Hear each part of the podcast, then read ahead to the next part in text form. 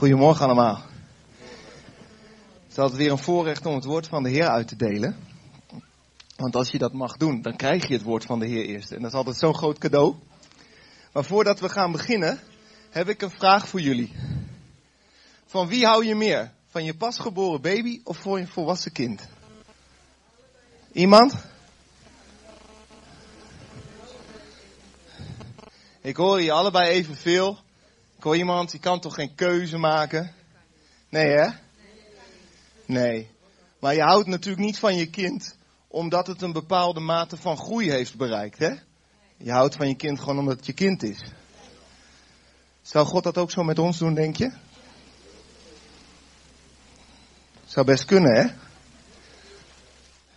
Is leuk om even na te denken over dat soort dingen, hè? Het kan het zo praktisch voor je maken, hè? Weet je, als ik uh, gewoon in het leven heb ik regelmatig nog dat ik gewoon onzeker ben. Of dat ik uh, merk dat ik gewoon onrustig ben van binnen. En uh, misschien ken je dat gevoel dat je denkt, ah, ik zit gewoon niet lekker in mijn vel. En denk je, wat is dat nou? En als ik dan bij mezelf ga onderzoeken, dan zie ik vaak ergens tegenop. Dan is er iets wat gaat komen waar ik gewoon tegenop zie. En ik kan niet eens altijd definiëren waarom nou precies. Maar het heeft vaak iets te maken met dat ik een beetje bang ben. En bang voor iets wat gaat komen wat ik niet precies weet. Ik ervaar een soort risico of zo. En soms ben ik ook gewoon bang omdat ik het zo graag goed wil doen. Ja, en het gaat ook wel eens gebeuren dat het me niet helemaal lukt, weet je wel. En eigenlijk ben ik dan gewoon een beetje bang. En ook als ik getuig van de Heer of ik vertel van Hem, dan ben ik ook wel eens een beetje bang dat Hij niet opkomt dagen, weet je wel. Weet je wel, dat ik door zijn woord heen zak. Gewoon een beetje bang. En dat ontdek ik pas als ik wat verder in me graaf, weet je wel. Want dat, dat zit pas in de ondere lagen van mijn leven, zeg maar. Dat ik toch ergens nog een beetje bang ben. En um, hoog tijd dus voor mij om de liefde van de Heer te bestuderen. Want de Bijbel zegt dat de volmaakte liefde de angst wegjaagt. En ik wil graag iemand zijn die niet meer bang is. Niet meer bang voor wat de mensen van me denken. Niet meer bang of het wel lukt of niet. Niet meer bang of ik het wel goed doe of niet. Daar heb ik dus de volmaakte liefde voor nodig. Want die jaagt de angst weg. Niet mijn stoere praat. Niet mijn stem die zegt, joh, eh, laat maar zitten. Wees nou een kerel. Nee, de volmaakte liefde van God doet dat. En mag schiet één erop, uh, Anton. God is liefde, zegt hij. In 1 Johannes 4, vers 8. En weet je, het is, en daar ga ik het vanochtend met jullie over hebben. Het is heel belangrijk dat wij Gods gevoelens over ons begrijpen. Want hij kan wel liefde zijn en het kan wel ergens in mijn hoofd opgeslagen zijn, maar hoe voelt hij nou over mij? Dat is wel heel belangrijk, want dan gaat het ook mijn gevoel raken. Niet alleen maar van, nou, weet ik ook, Gods liefde, natuurlijk is God goed. Weet je wel, maar dat het ook je gevoel gaat raken. Hoe voelt hij nou over ons? En ik ga vandaag kijken met jullie uit Gods woord, hoe hij over ons voelt. Als hij liefde is, dan wil ik weten wat liefde is. En 1 Korinthe 13 zegt, de liefde is geduldig en vol goedheid. De liefde kent geen afgunst, geen ijdel vertoon, geen zelfgenoegzaamheid. Ze is niet grof en niet zelfzuchtig. Ze laat zich niet boos maken en rekent het kwaad niet aan. Ze verheugt zich niet over onrecht, maar vindt vreugde in de waarheid. Alles verdraagt ze, alles gelooft ze, alles hoopt ze, in alles volhardt ze. De liefde zal nooit vergaan. De liefde geeft zich helemaal. Wel een beetje naïef, vind je niet? De liefde blijft maar hopen en blijft maar. Eigenlijk soms wel bij het irritante af. Dan denk ik, joh, kom toch eens met je benen weer op de grond. Deze situatie om hier nog liefde te tonen, om maar te blijven geloven. Zelfs als je zo vaak een deksel op je neus krijgt, dat is toch naïef? En misschien definieer ik dat wel omdat ik van de aarde kom en de gebroken wereld ken. Want dan is het inderdaad misschien wel eens een beetje naïef om maar te blijven hopen en te blijven liefhebben. Maar de liefde is zo. Zij blijft volharden. Ze blijft gewoon, hoopt altijd het beste, rekent het kwaad niet aan. De liefde komt uit de hemel. In Romeinen 2 staat, veracht u dan de onbegrensde goedheid, geduld en verdraagzaamheid van de Heer. En weet u niet dat zijn goedheid u tot inkeer wil brengen. God wil dat we zijn goedheid niet onderschatten. Dat we dat niet vergelijken met onze aardse maatstaf waar we zeggen van nou joh, eh, even met je benen op de grond. niet alleen maar van het goede uitgaan. Er zijn ook mensen die niet altijd het goeds in de zin hebben. Nee, wij moeten Gods goedheid niet laag inschatten. En Johannes 3 zegt, bedenk toch hoe groot de liefde is die de Vader ons heeft geschonken. En wat bedoelt hij hier nou mee? Nou, dat we de liefde van de Heer moeten bestuderen, erover moeten gaan denken. Ons bewust worden van zijn liefde. En ik heb na zitten denken, waarom is dat nou? Omdat dat heel langzaam pas indaalt bij ons. Kijk, als ik nu vandaag vertel over de liefde van God, hebben de meeste van jullie waarschijnlijk zoiets van, ja, check, God is goed, Gods liefde. En uh, nou, dat, dat, dat, dat, dat landt bij mij. Hè, maar je hebt verschillende levels waar dat kan landen. Het landt in je hoofd soms.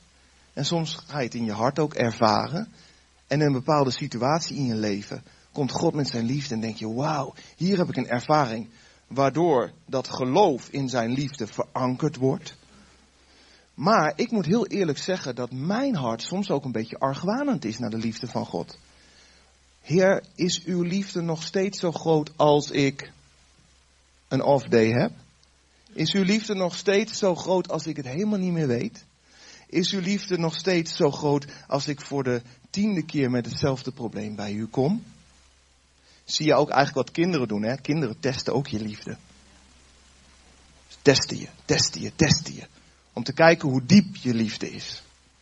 Wanneer stopt het? Tergend, net zolang dat je je geduld verliest. Ze testen je liefde. Misschien bedoelt God dat ook wel, omdat hij weet dat zijn liefde, om het in ons te verankeren, dat dat een tijd duurt. Omdat wij gewoon nog niet geloven dat die liefde zo naïef is, eigenlijk, als hij beschrijft. Wij geloven eigenlijk nog niet dat het zo ver gaat. Omdat wij rekenen met onze eigen liefde. Die best wel eindig is. We houden meer van God als we doorhebben hoeveel Hij van ons houdt.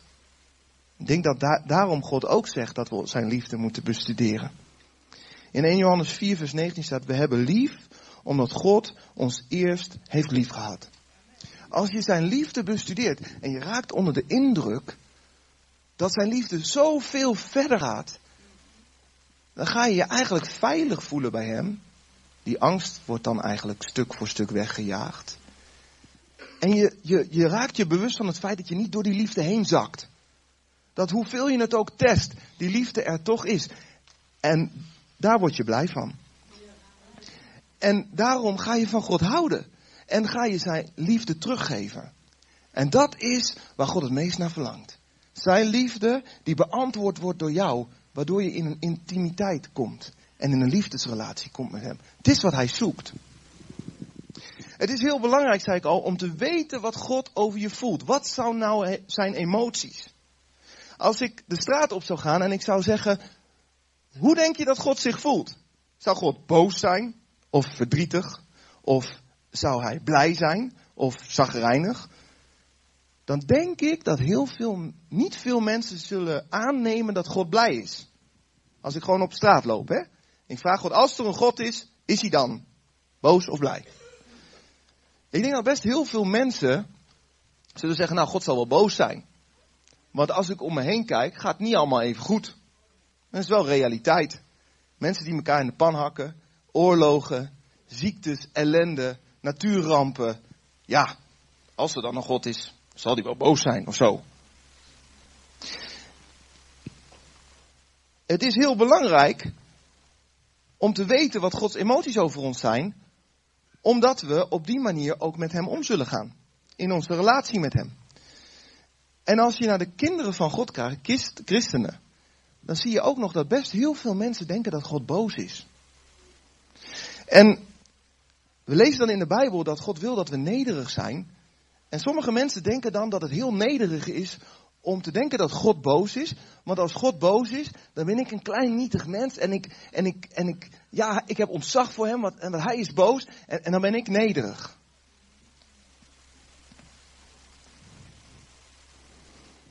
Maar als je oprecht met God wandelt, terwijl je ook nog struikelt, dan verblijdt God zich over jou. Maar als je dan toch denkt dat God boos is, ben je onder oordeel. En wat oordeel eigenlijk doet, het maakt altijd stuk. Het schaadt ons en het hindert ons om in een open relatie met God te zijn. Het drijft ons weg van Hem. Het is belangrijk dat wij weten hoe God echt over ons voelt. En dat zegt Hij zelf in zijn woord. Weet je dat God van ongelovigen houdt? God houdt van mensen die Hem niet dienen.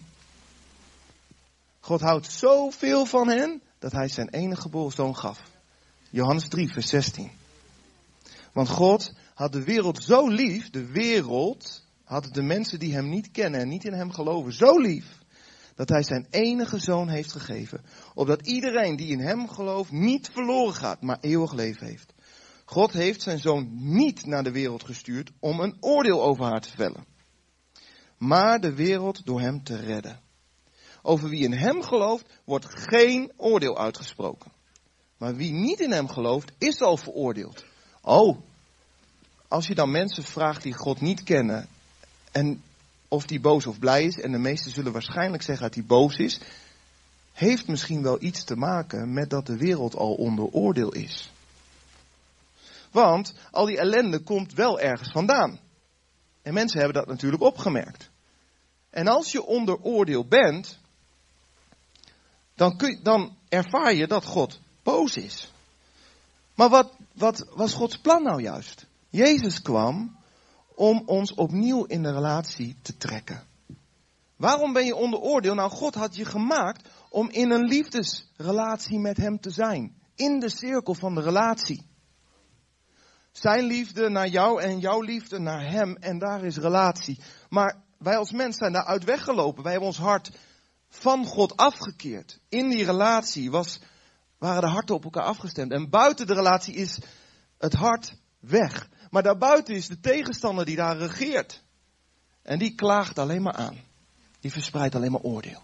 Oordeel, oordeel, oordeel. Zie je wel, je bent niet goed genoeg. Je kan het niet. Je bent niet goed genoeg om weer in die relatie te komen. Dat is wat hij zegt.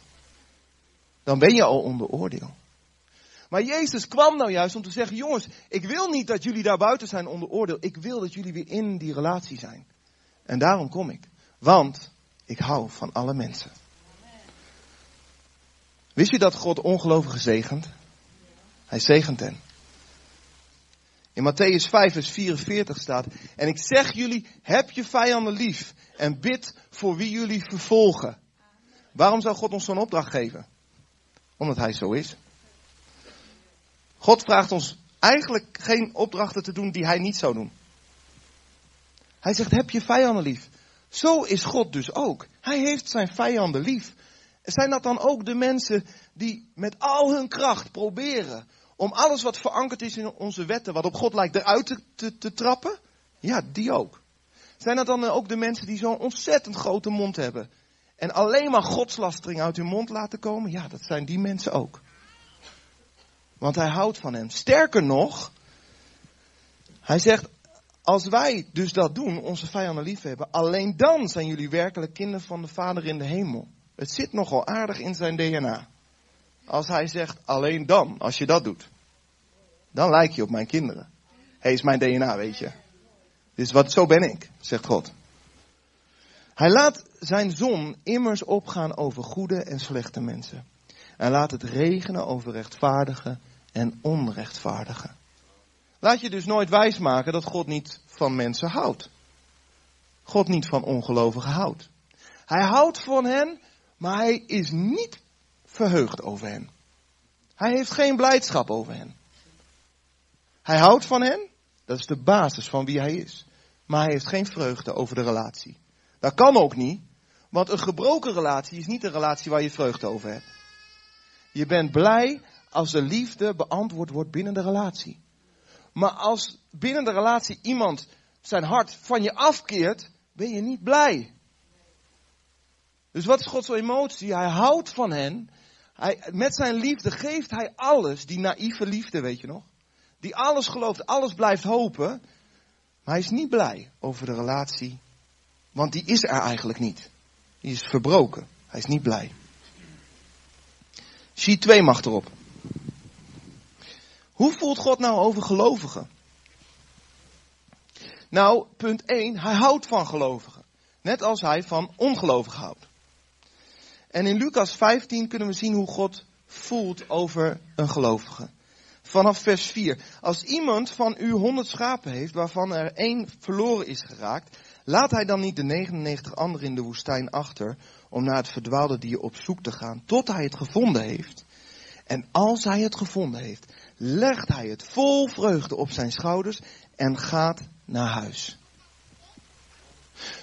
Dit gaat over een ongelovige, kun je een stukje verder lezen. Dus iemand die God niet kent, die verdwaald is geraakt, die in de wereld verstrikt is geraakt. Nou, daar kun je een plaatje bij maken. Iemand is verstrikt geraakt, is, snapt het niet zo goed meer, heeft, heeft alles niet voor elkaar, is misschien wel heel fel geworden, gewond geraakt, gepijnigd. Weet ik wat er allemaal gebeurd is. Hij is verdwaald en hij heeft het nodig dat een herder hem komt halen. Nou zou je kunnen zeggen natuurlijk, als jij zo'n herder bent, zeg luister, ik heb honderd schapen, weet je wel dat ik nu al die 99 heb moeten achterlaten om jou te gaan lopen zoeken? En ik maak je nu los uit die struiken, maar nou loop je even rap met me mee, want die anderen, die wachten op ons. Ik blijf niet aan de gang. Zegt misschien iets over mijn geduld, als ik dit zo zeg. Weet je wat God doet? Hij legt het op zijn schouder. Hij aanvaardt het helemaal. Is dat schaap dan nog gewond? Ja. Is het vies? Denk het wel. Is het nog verward? Denk het wel. Maar Jezus neemt het op zijn schouders. En nou kan je gewoon goed zijn hè, tussen jou en het schaap. Hè. Dat heb jij misschien ook wel eens dat je voor iemand echt goed bent. Hè. Maar het is nog een ander ding om al je vrienden erbij te halen. Want als jij geassocieerd wordt met iemand, in jouw cirkeltje kan je nog wel goed zijn. Maar als al je vrienden zien met wie je associeert, nou dan moet die goedheid wel echt diep zijn. Wat Jezus doet, moet je opletten. En hij gaat naar huis. Daar roept hij zijn vrienden en buren bij hen en zegt tegen hen, deel in mijn vreugde, want ik heb het schaap gevonden dat verdwaald is. Ik zeg u, zo zal er in de hemel meer vreugde zijn over één zondaar die tot inkeer komt, dan over 99 rechtvaardig die geen inkeer nodig hebben. Wat zegt hij? Jongens, moet je eens kijken, ik heb dit schaap gevonden. Zegt hij dat omdat dat schaap er zo perfect uitziet? Dacht het niet. Want hij heeft het niet voor niks op zijn schouders. Misschien kon het niet eens lopen. Misschien zat het helemaal onder de drek. Maar hij zegt tegen zijn vrienden, kijk, kijk! Hier is hij! Zijn hart is weer naar mij toegekeerd. Vier feest met mij, want er is feest in de hemel over zo iemand. Heeft dat schaap al iets goeds gedaan? Ik weet niet. Het schaap heeft ingestemd, denk ik, met dat hij opgetild werd. Dat is het enige misschien. Voor de rest heeft hij nog niet veel gedaan. Ja? Het schaap heeft nog niks gedaan. Dat gaat over een ongelovige die gelovig wordt. Zo is er feest in de hemel. God zegt niet, oh, dan moet je eerst maar schoon worden, dan moet je eerst maar, loop eens even voor me uit, want al die gasten wachten. Duidelijk, hè, wat God doet. Dan um, sheet 3, Anton. Dankjewel. Lucas 15. Wederom, over de verloren zoon. De verloren zoon zou je kunnen zeggen, is al een zoon. Dus je zou zeggen dat hij al. Oh, mijn jongen toch.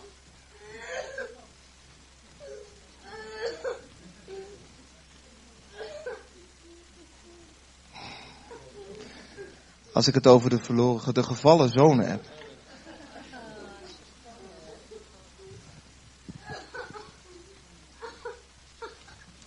De gevallen zoon.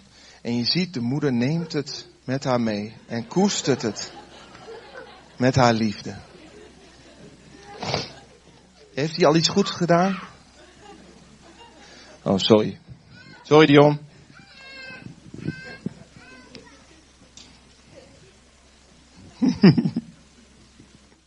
je zou kunnen zeggen, de verloren zoon is al een zoon. Dus je zou kunnen zeggen, dit gaat over een christen. Er zijn meerdere uitleggen over dit verhaal mogelijk, maar je zou kunnen zeggen, hij is een zoon. En dit is een zoon die heeft gedacht, weet je, ik ken de vader wel en ik ken ook al zijn zegeningen, maar ik wil gewoon de zegeningen zonder de vader. Want hij zegt, pa, doe mij die erfenis maar en ik trek mijn eigen plan. Zegt, de, de goede dingen die God te bieden heeft, die wil ik wel. Maar de relatie met God, hm, ik trek eerst even mijn eigen plan. Even de wereld ontdekken. En hij gaat met zijn zegeningen van de vader op pad. Maar wat altijd gebeurt als je niet verbonden blijft met de vader, dan raken je zegeningen op. Hij is namelijk de bron van alle zegeningen. En als je niet meer met hem verbonden bent, raakt het op. Dus wat gebeurt er met die zoon? Hij belandt bij de vakers. Diep in de ellende, heeft geen zegening meer over. En waarschijnlijk gedreven door de nood, denkt hij, ik moet toch maar eens teruggaan naar mijn vader. Daar gebeurt iets in zijn hart. Kijk, de relatie is hart naar hart. Je bent in de relatie. Als je uit de relatie bent, heb je hart van God afgekeerd en heeft hij geen blijdschap over je, want eerder verdriet, want hij wil die relatie weer hebben. Het moment dat de zoon zegt, laat ik teruggaan naar mijn vader, keert hij zijn hart om naar de vader toe. Daar is het moment van overwinning. Staat in vers 18, ik zal naar mijn vader gaan en tegen hem zeggen, vader, ik heb gezonden tegen de hemel en tegen u. Ik ben het niet meer waard om uw zoon genoemd te worden. Behandel mij als een van uw dagloners. Hij vertrok meteen en ging op weg naar de vader. En de vader zag hem in de verte al aankomen. Hij kreeg medelijden en rende op zijn zoon af, viel hem om de hals en kuste hem. Vader, zei de zoon tegen hem, ik heb gezondigd tegen de hemel en tegen u. Ik ben het niet meer waard uw zoon genoemd te worden. En de vader zei, dat klopt. Je moet eerst maar eens laten zien dat je verantwoordelijkheid kan dragen. Ik heb zoveel pijn over de relatie met jou, dat ik eerst wil zien dat jouw liefde echt is. Voordat ik weer in de relatie ga met jou. Goed zo. Bijbelgetrouw zijn wij hier. Ik zal het nu echt lezen. De zoon wist dus donders goed. Hij zegt, ik heb gezondigd tegen de hemel en tegen u. Ik ben het niet meer waard uw zoon genoemd te worden. Maar de vader zei tegen zijn knechten, haal vlug het mooiste gewaad en trek het hem aan. Doe hem een ring aan zijn vinger en geef hem sandalen. Wanneer doet hij dat? Als de zoon al laten zien heeft dat hij weer een goede zoon is? Was die zoon nog vies, denk je? Kwam bij de varkens vandaan, hè? Had hij nog allerlei gewoontes die niet op de vader lijken? Denk het wel. Was hij nog onrein, denk je? Als je ziet wat hij allemaal gedaan heeft. Ging hij al goed met geld om, denk je? Vader praat daar niet over. De vader houdt van hem. Ook als zijn hart van hem afgekeerd is. Maar de vader heeft blijdschap over hem als zijn hart naar hem toegekeerd is. Ja? Zo kijkt de vader naar de zoon. Als hij terugkeert. Waarom? Waarom doet de vader dat? Nou, het is het mooie, wat Hanneke ook al noemde, in 2 Korinthe 5 staat. Daarom is ook is iemand die één met Christus is, een nieuwe schepping. Hij doet het om wat Jezus deed. Hij is een nieuwe schepping, zoals Hanneke al zei. Het oude is voorbij, het nieuwe is gekomen. Dit alles is het werk van God. God had het zo bedacht. Daarom doet hij het zo. Vers 21. God heeft hem die de zonde niet kende, voor ons één gemaakt met de zonde. Zodat wij door hem rechtvaardig voor God konden worden. Dus hier staat Jezus, hij had geen zonde en hij was rechtvaardig. Hier staan wij, we hebben een hoop zonde en bagger en we waren niet rechtvaardig. En Jezus zegt, maak mij zonde, dan maak ik jullie rechtvaardig. God ziet ons aan in Jezus en ziet ons aan als rechtvaardig. Als ons hart keert naar Hem en wij het geschenk van genade accepteren, dat is het moment dat we de mantel krijgen. Dat is het moment dat God zegt, hier, ik geef je mijn mantel van rechtvaardigheid. Ik bekleed jou. En ik zie jou aan in Jezus. Heeft dat te maken met jouw perfectie? Nee. Het heeft te maken met de perfectie van zijn offer. Tweede ding waarom God het doet, gewoon omdat hij goed is. Om gewoon de zijn natuur. Gods natuur is gewoon zo. Als je gaat lezen in Exodus 33, zo'n prachtig hoofdstuk, gaat over de intieme relatie van Mozes die hij met God heeft. Op een gegeven moment zegt Mozes, Heer, als u niet met ons meegaat, dan wil ik helemaal niet verder. Laat me dan maar in de woestijn met u zijn. En nou, hij praat nog wat met God en hij zegt, Heer, als ik dan echt genade heb gevonden in uw ogen, laat mij dan u zelf zien. En God zegt tegen hem, je zult mij zien van de achterkant. En ik zal mijn naam uitroepen als ik aan je voorbij ga. Wat roept God? Ik ben de Almachtige, ik ben de Voorziener, bij mij is rijkdom. Nee, God roept genadig, barmhartig ben ik. Dit is mijn identiteit, zegt God. Zo ben ik. Daarom doet hij dat. Nou zijn er ook mensen die deze openbaring pakken en die denken, God is toch blij, maakt niet uit wat ik doe. En dat is waar. God houdt van je, no matter what. God houdt van je ook als je helemaal tegen hem bent. En God is blij met je, los van wat je doet. Maar de conditie waarop God blij is, is wel dat je hart naar hem gekeerd is. Want anders ben je niet in de relatie met hem. Een relatie is een hart wat naar God gericht is. Wat intimiteit met hem kan beleven, want daar wordt hij blij van. Dat staat los van jouw daden. Maar er is ook nog wel een tweede waarheid aan dit statement. Want dat God van je houdt en dat hij blij is met je, betekent niet dat hij alles goedkeurt wat je doet. Nou zit hij hier eh, op de voorste rij, maar ik had een mooi voorbeeld van jullie. Kijk, ik hou van mijn kinderen, Elisa en Dion. En ik ben zo blij over de relatie met hen. Maar dat betekent niet dat ik alles goedkeur wat ze doen. Want ik ben ze ook aan het opvoeden. En ik ben ze aan het opvoeden omdat ik van ze hou.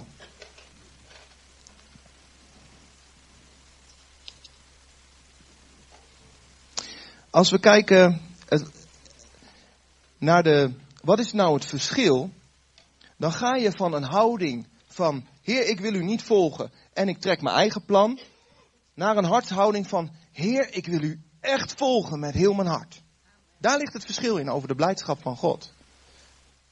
Met jouw wil zet je erop om Hem te dienen met je hart, of je zet je erop om je eigen gang te gaan. Dat is het verschil tussen blijdschap. Het is los van je daden. Want we weten dat iedereen struikelt. En iedereen is aan het leren op weg naar volwassenheid. Oké, hoe, hoe definiëren we dan de opvoeding van God? Want het gaat ook om zijn gevoel over ons en hoe dat landt in ons gevoel. Het is best heel bepalend wat jij gelooft over wat God voelt in relatie tot hoe je gaat reageren naar Hem toe. Als je denkt dat God boos is, ga je van hem wegvluchten, ga je verstoppen net als Adam. Als je denkt dat God van je houdt en blij is je te zien, ga je naar hem toe als er een probleem is. Ja? Nou zijn er momenten van opvoeding waarbij ik even duidelijk en streng moet zijn naar mijn kinderen. Zij zouden dat kunnen ervaren als afwijzing. Als de basis in hun leven niet klopt. Als ze niet doorhebben wat ik echt voel. Want mijn echte gevoelens zijn, ik hou van ze en ik ben blij over ze. Maar op dat moment ben ik streng. En hoe, hoe gaan we daarmee om in onze gevoelens? Dat is belangrijk om op in te zoomen. Allereerst zegt God in openbaringen 3 tegen de gemeente van Laodicea, iedereen die ik lief heb, wijs ik terecht en bestraf ik. God corrigeert ons, maar dat is geen afwijzing. Spreuken 3 zegt, want de Heer straft wie hij lief heeft, zoals een vader die houdt van zijn zoon. God is blij met je en met de relatie als je hart naar hem toegekeerd is. Maar er zijn misschien wel gebieden in je leven waar God verdriet van heeft. Omdat je nog niet alles hebt kunnen zien van wie hij is. Omdat je daar nog niet hersteld bent, nog niet genezen bent. En misschien zelfs zijn leiderschap nog niet accepteert in dat gebied van jouw leven. Wil dat zeggen dat God niet blij is met de relatie? Nee, hij is wel blij met de relatie, maar hij heeft ook verdriet over dat punt. Het is goed om dat te kunnen scheiden. God, als je met hem wandelt, geniet hij van elke stap van de weg. Hij houdt van jou van baby tot volwassene. Elke stap van de weg geniet hij van de relatie. Maar als God van je houdt, dan stipt die gebieden aan in je leven. Kijk daar, daar zit nog iets wat niet op mij lijkt. Daar zit nog iets waar jij iets gelooft wat eigenlijk niet klopt. En wat mij ook niet eert, maar waar, waar ik geen relatie met je kan hebben op dat gebied. Want je gelooft iets wat niet waar is. Ik moet het aanstippen in je leven. Hier is nog een weg in jou die je niet leidt naar mij, maar naar ellende. Dus ik ga het aanstippen in jou. En weet, ik, ik denk dat velen van jullie dat kennen, hè? dat God iets aanstipt in je leven. Hè? Pittig, hè? Je gaat er wel doorheen hoor, als God iets aanstipt in je leven. Je gaat er wel doorheen. En dan is het zo belangrijk dat het fundament in ons leven steady is. Dat we weten, God houdt van ons. En hij is blij over de relatie. Want als we dat niet hebben, dan denken we, man, God is tegen ons. Moet je kijken hoe die aan het targeten is op dat gebied. Moet je kijken hoe ik er doorheen ga. God zal wel boos zijn. Maar het is niet waar. God houdt van je en hij geniet ervan dat je hart richting hem is. En daarom pakt hij dingen aan in je leven, in zijn liefde. God definieert niet de hele relatie aan de hand van het punt wat onder vuur ligt. Ik herhaal hem even. God definieert niet de hele relatie aan de hand van het punt wat onder vuur ligt. Ja? Zo belangrijk om te beseffen. Anders kunnen je gevoelens zo in de war raken. Is God nou voor me of tegen me? Het lijkt wel of hij tegen me is. Man, wat komt er naar boven? Maar God zegt, dit is onderdeel van mijn plan. En het hele, de hele relatie verblijd ik mij over. En dat mag jouw basis zijn. Dan een ander belangrijk punt wat we goed in de gaten moeten houden. Is dat geestelijk onvolwassen zijn niet hetzelfde is als rebellie. En geestelijk onvolwassen klinkt wat denigerend, hè? maar als je even eerlijk bent, dan zijn we eigenlijk allemaal geestelijk onvolwassen. Je wordt nooit, denk ik, 100% volwassen. Je blijft altijd groeien. Maar er zijn wel mates van volwassenheid. dat, dat herkennen we denk ik allemaal wel. Maar het is niet hetzelfde als rebellie. Maar weet je, soms is dat moeilijk om te herkennen. Want de acties die jij ziet, zijn hetzelfde. Laat me dat uitleggen. Ik ben bijvoorbeeld niet zo heel geduldig. Nou kan ik rebelleren tegen God. En dan kan ik gewoon zeggen, Heer, ik volg uw leiderschap niet. Ik trek mijn eigen plan. En uh, ik ben ongeduldig. Maar ja, die lui die moeten maar gewoon wat opschieten. Dat is hun eigen verantwoordelijkheid. Schiet maar wat op. Als je bij mijn team wil horen, moet je gewoon opschieten. En uh, ja, lekker belangrijk. Of ik kan zeggen, Heer, ik worstel zo met ongeduld. En de Heer gaat het target in mijn leven dan, hè, natuurlijk. Stuurt hij wat mensen op mijn pad waar ik extra geduld mee moet hebben. Je kent het wel. En denk je, man, ik heb zoveel geduld nodig. Heer, alstublieft, wilt u aanvullen, want ik heb het niet van mezelf. Heer, en ja, ik weet het, ik weet het, ik was te snel. In die meeting, ik was, ik was te kort. Ik was te snel. Ik had diegene wat meer tijd moeten geven. Vader God, wilt u me vergeven? En wilt u geduld geven? Oké, nou heb je er even achter kunnen kijken. Maar als je aan de voorkant van het probleem zit, zie je gewoon twee mensen die hartstikke ongeduldig zijn naar hun teamleden. Dus wat voor ons als gelovigen en als mensen belangrijk is, om te kijken naar het hart.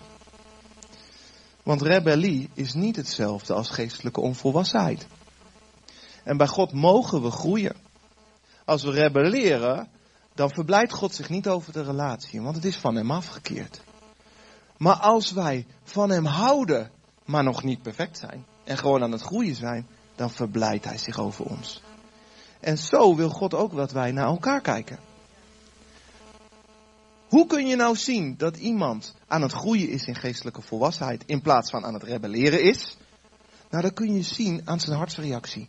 Hij zal zich, hij of zij zal zich bekeren. Misschien heeft iemand even tijd nodig. Misschien dat God even weer moet duidelijk maken, joh, je was wel echt ongeduldig. Dat duurt soms even. Maar als je er dan door God op aangesproken wordt, zal je hart zich naar hem toekeren en zeggen, Vader, alstublieft, ik wil mijn ongeduld ruilen met uw geduld. Dat is wat er gebeurt. Dus wij moeten ook een beetje geduld hebben met zo iemand.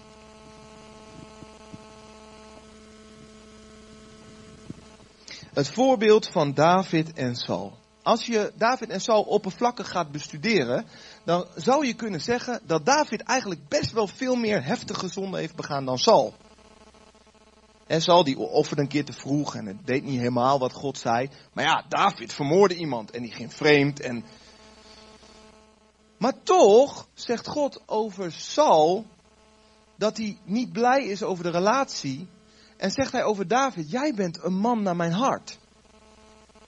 Kijk, Saul die bekeerde zich onder de druk van de publieke opinie omdat hij bij de mensen, ja, zijn positie, man, je moet nu toch wel even bewegen. Ja, hij kan nou niet meer anders dan toegeven, want anders.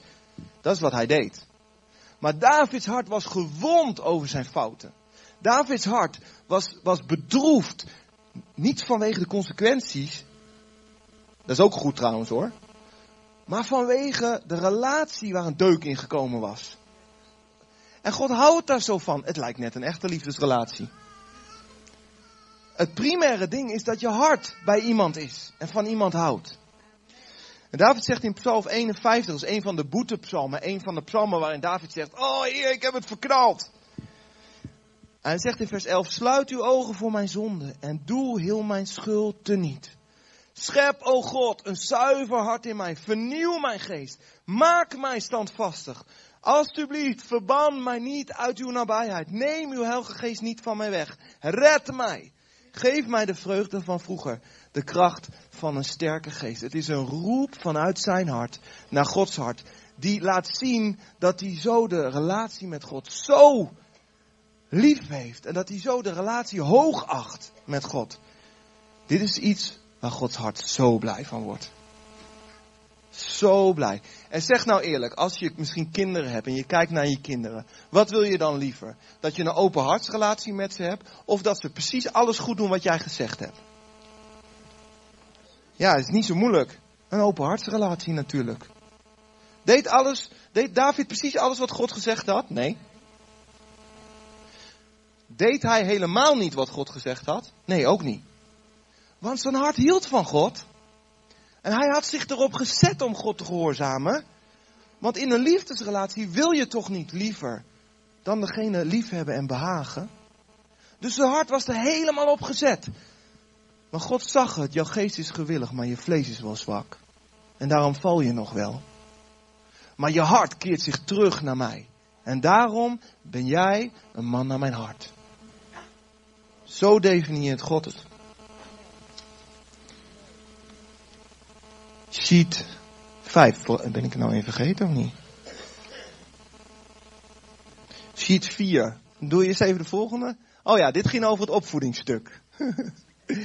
ik heb er echt kadertjes omheen gemaakt en gehighlight en nog vergeet ik hem, weet je wel. Dit gaat over het opvoedingsstuk. Kijk, als je dit dan zo ziet, hè. En je ziet hoe God met ons om wil gaan. Waar geniet deze vader van? Dat het kind alles perfect doet of gewoon dat het kind kind is? Kijk, want het kan maar zo zijn hè, dat die vader daar zo zit en het kind zit gewoon zijn luien vol te poepen, weet je wel. Dat is een goede grap hè, die jong. En dat kan maar zo. En laat een boertje recht in je gezicht. En je vindt het nog grappig ook. God houdt van ons, omdat hij ons kostbaar vindt. En hij wil dat ons hart open is naar hem. Want er is niks ergers als je ook vraagt naar, naar ouders. Waar hebben ze nou verdriet van? Van een kind wat ze niet meer wil zien. Van de relatie die verbroken is. Daar heeft een ouder verdriet van. Ja? Als de relatie open is, maar je kind doet niet alles zoals jij het had gedaan. Zwa. Ja? Wil het zeggen dat God, um, dat het God niet boeit? Dat is een ander verhaal. Het boeit God wel degelijk wat wij doen, want Hij wil dat wij meer op Hem gaan lijken. Maar de uitgangspositie is de open relatie. Want je weet, zonder open relatie gaat er überhaupt niks veranderen in iemand. Want je hebt geen ingang. Nou mag de volgende sheet erop, sheet 5. Ja. Wat is belangrijk in ons leven? Dat wij Zijn liefde als fundament in ons leven hebben en niet onze liefde. Die moet misschien even dalen. Maar als je heel eerlijk bent, heb je misschien best wel eens jouw liefde als fundament in je relatie. Want je denkt, als ik van God hou en als ik alles goed doe, dan gaat het goed tussen God en mij. Maar ik denk dat we nodig hebben om Gods liefde als fundament te hebben, zodat we weten dat als we vallen, zijn liefde steady is. En als wij vallen en we krabbelen weer op, dat God niet zegt, nou dan moet je eerst maar eens even laten zien dat je die eerste stappen weer neemt en dan wil ik er wel weer geloof in hebben. Nee, God zegt zodra je opstaat en je hart naar mij keert, is de relatie 100% open. Want deze relatie is niet gefundeerd in jouw liefde, maar in mijn liefde. En wil God dat je die liefde beantwoordt? Ja, welke vader wil dat nou niet? Je hebt vreugde over de liefde die beantwoord wordt. Tuurlijk. Raakt het Gods hart als je die niet beantwoordt? Ja, tuurlijk. Maar God definieert de relatie niet op basis van jouw liefde, maar op basis die van Hem. Nog voordat jij ook maar iets met Hem te maken wilde hebben, ging Zijn liefde al naar je uit. Je kunt daar niks aan toevoegen. In Johannes 15, vers 9 staat een van de um, duidelijkste statements over de liefde van de Heer. Hij zegt tegen zijn discipelen, ik heb jullie lief gehad zoals de Vader mij heeft lief gehad. Nou, als je kijkt naar Jezus en zijn vader, ze maakten samen de aarde, ze waren er altijd al samen. En toen God zei, ik wil de aarde redden, ik wil de, ik wil de mensen redden, zei Jezus, goed plan. Zegt de vader, maar dan moet jij er doorheen. En Jezus gehoorzaamde hem tot in de dood.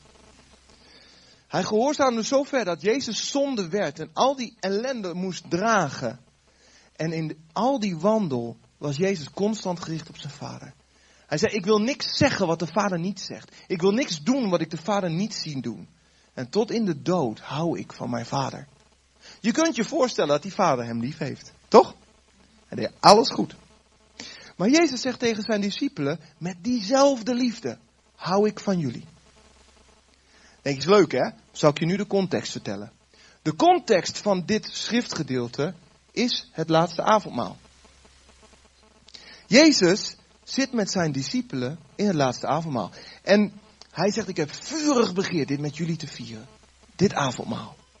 Weet je wat er die avond gaat gebeuren? Nou kan ik je vertellen hoor. Jezus wordt gevangen genomen en al zijn discipelen peren hem.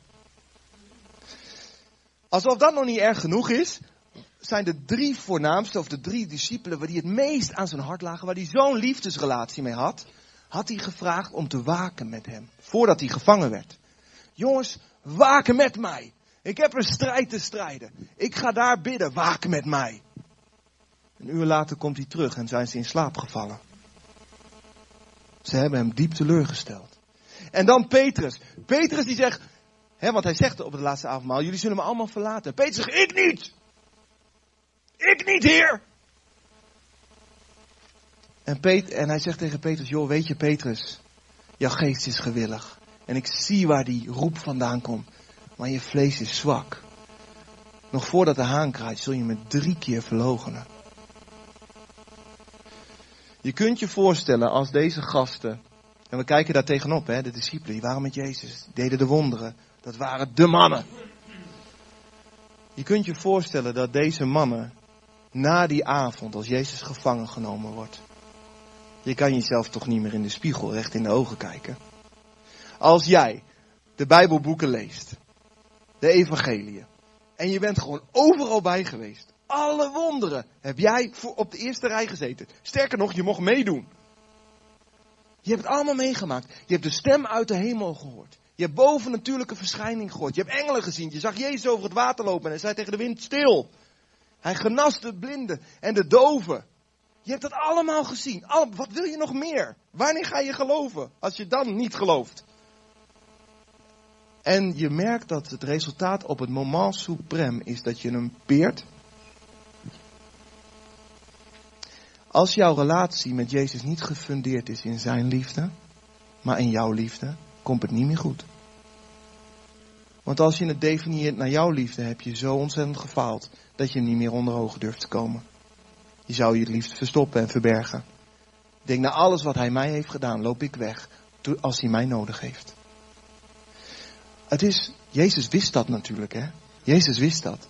Dus Hij zei, ik verzeker jullie, mijn liefde is zoals de liefde van de Vader voor mij. Die is steady. Waarom zei je dat? Ik denk dat hij het zei, zodat ze op zouden krabbelen. Zodat ze na die avond weer zouden gaan staan in hun relatie met hem.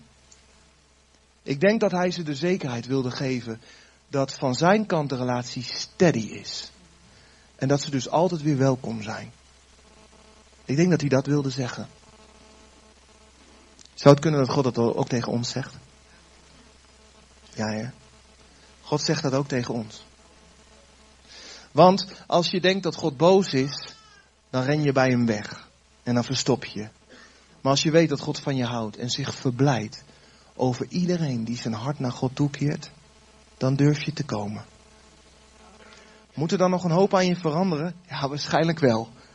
Want je zit waarschijnlijk nog vast in allerlei dingen. En misschien ben je ook nog wel vies. En ben je ook nog wel kreupel en moet je zelfs gedragen worden. Maar dat is niet het eerste wat belangrijk is. Het eerste is dat de hartsrelatie open gaat. Ik wil afsluiten met Hebreeën 12. Vers 2. Laten we daarbij de blik gericht houden op Jezus. De grondlegger en de voltooier van ons geloof. Hij heeft bedacht dat wij hem lief zouden hebben. Hebben wij niet bedacht, heeft hij bedacht. Hij is de grondlegger van ons geloof. En ook de voleinder. Als wij in open relatie met hem blijven, zal hij het goede werk wat hij begonnen is in ons ook voleinden. Hij zal het doen. Wat wij mogen doen is zijn liefde beantwoorden. Amen. Amen. Zo bidden. Weet je, het is zomaar verlangen hè, dat terwijl we hier zijn gewoon als het huisgezin van God, dat de Heer de angst wegjaagt uit ons midden. Want als ik heel eerlijk ben en ik merk dat ik bang ben, dat ik eigenlijk het zo graag goed wil doen en ik ben er bang om het niet goed te doen. Dan eigenlijk is de trigger is een stukje oordeel. Ik ben bang om veroordeeld te worden. Ik ben bang dat mensen zeggen, je hebt niet goed gedaan. Ik ben bang misschien dat God wel zegt, je hebt het niet goed gedaan. Of ik ben teleurgesteld in je. Ik heb het zo nodig dat deze angst weggejaagd wordt door de waarheid van Gods woord. God zegt, ik ben blij over jou, elke stap van de weg. Je struikelt en je valt, maar ik zie je hart. Ik zie de roep in je geest. Je geest is gewillig, maar je vlees is wel zwak. Ook als we de liefde van de Heer willen uitdragen naar anderen, is het zo belangrijk dat we de angst kwijt zijn. De liefde die ook anderen niet veroordeelt, maar die spreekt vanuit de hartshouding van God. Hé, God houdt van je, waar je ook zit. En hij wil niets liever dat de relatie in orde komt, want hij geniet van een liefdesrelatie. En ja, al die dingen die er nog aan je mankeren, alles wat je gedaan hebt, ja, dat is er. Maar laten we het eerst in orde maken met elkaar. En daarna gaan we wel verder aan de gang. Misschien wil je wat spelen, Anna. Vader, ik wil u zo bedanken. Ik wil u zo bedanken voor wie u werkelijk bent. O Heer, ik dank u zo dat mijn afkomst bij u is. Ik dank u zo dat onze afkomst bij u is, Heer. Ik dank u zo dat u in uw persoonlijkheid van nature genadig en barmhartig en goed bent. Vader, wil u beleiden zo vaak uw goedheid onderschat te hebben. Of eigenlijk test ik het misschien wel gewoon als een kind. Die gewoon zich afvroeg, is uw goedheid hier ook nog? En ook nog als ik zo denk. En ook nog als ik het voor de zoveelste keer verknald heb. Heer, ik wilde uw liefde misschien wel testen. En ik dank u, Heer, dat uw liefde oneindig is. Dat uw liefde blijft geloven, blijft hopen, blijft volharden. Oneindig, niet vergaat. En Vader God, ik wil ook dat niks mij kan scheiden van uw liefde. U zegt het in uw woord. Heer, maar oordeel en van u weglopen heeft me wel degelijk eens gescheiden van u, Heer. Ik dank u wel dat van uw kant er geen belemmering is. Dat van uw kant u niks liever wil dan de liefdesrelatie. Dan mij dicht bij u te hebben. Wat het ook is. Vader, zo bid ik, Heer, dat u de rijen doorgaat, Heer. En dat u ons aanraakt met uw liefde. Vader, ik wil u gewoon zeggen, Heer. Ik, ik heb zo nodig, Heer, dat u mij aanraakt met uw liefde. Ik heb zo nodig, Heer, dat in de diepe lagen, Heer, van mijn bewustzijn. Dat u, Heer, de angst die daar zit, Heer, dat u hem wegjaagt. Heer Jezus, alstublieft. Jaag hem weg met uw liefde, zodat ik niet meer bang zal zijn. Heer, zodat ik gewoon zal gaan staan, wetende dat u van me houdt. Wetende dat uw beleidschap over, dat uw glimlach over me is, Vader. Ik dank u wel dat u de trotse Vader bent. Vader God, de twijfel daarover, Heer, maakt mijn hart soms verward of mijn hoofd verward. Vader, ik bid dat u de twijfel wegjaagt met uw volmaakte liefde. Heer, wat kon u meer doen dan u zelf geven? Dank u wel dat u volledig commitment heeft voor deze relatie. Dank u wel. Dank u wel.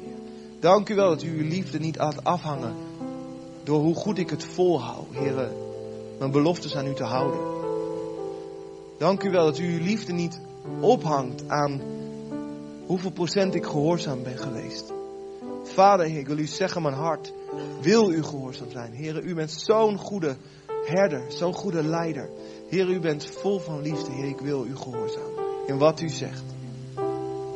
Maar u ziet, vader, dat aan de buitenkant nog niet altijd lukt. Vader, dank u wel dat u naar mijn hart kijkt. Dat u naar ons hart kijkt.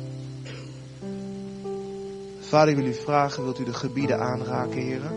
Waar we nog dingen geloven, heren, die u helemaal niet gezegd heeft.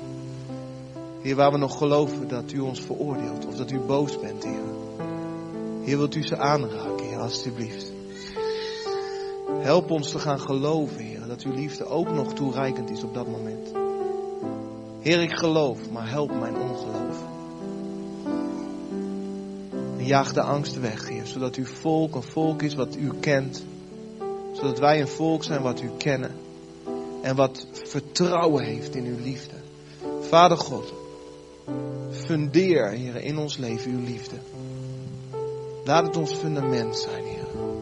Zodat als we spreken vanuit uw liefde, dat we weten dat we er niet doorheen zakken. Hoe erg de situatie ook is. Dank u wel daarvoor. Vader, maak ons vol van uw geest. Zodat we de wereld kunnen laten weten wat u vindt en hoe u voelt. In Jezus' naam. Amen. Zo zingen 462. Aan uw voeten, Heer.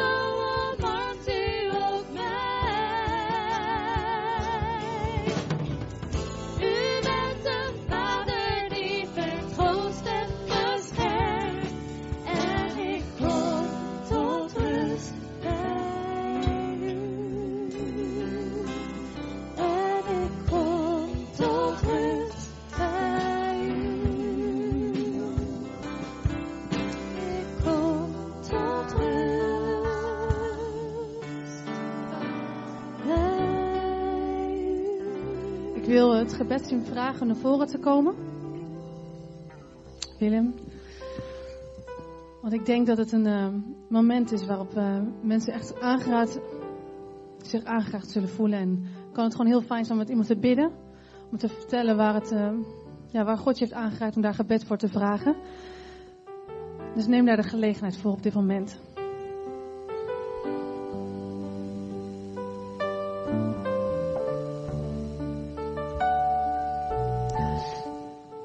Voor alle mensen die, eh,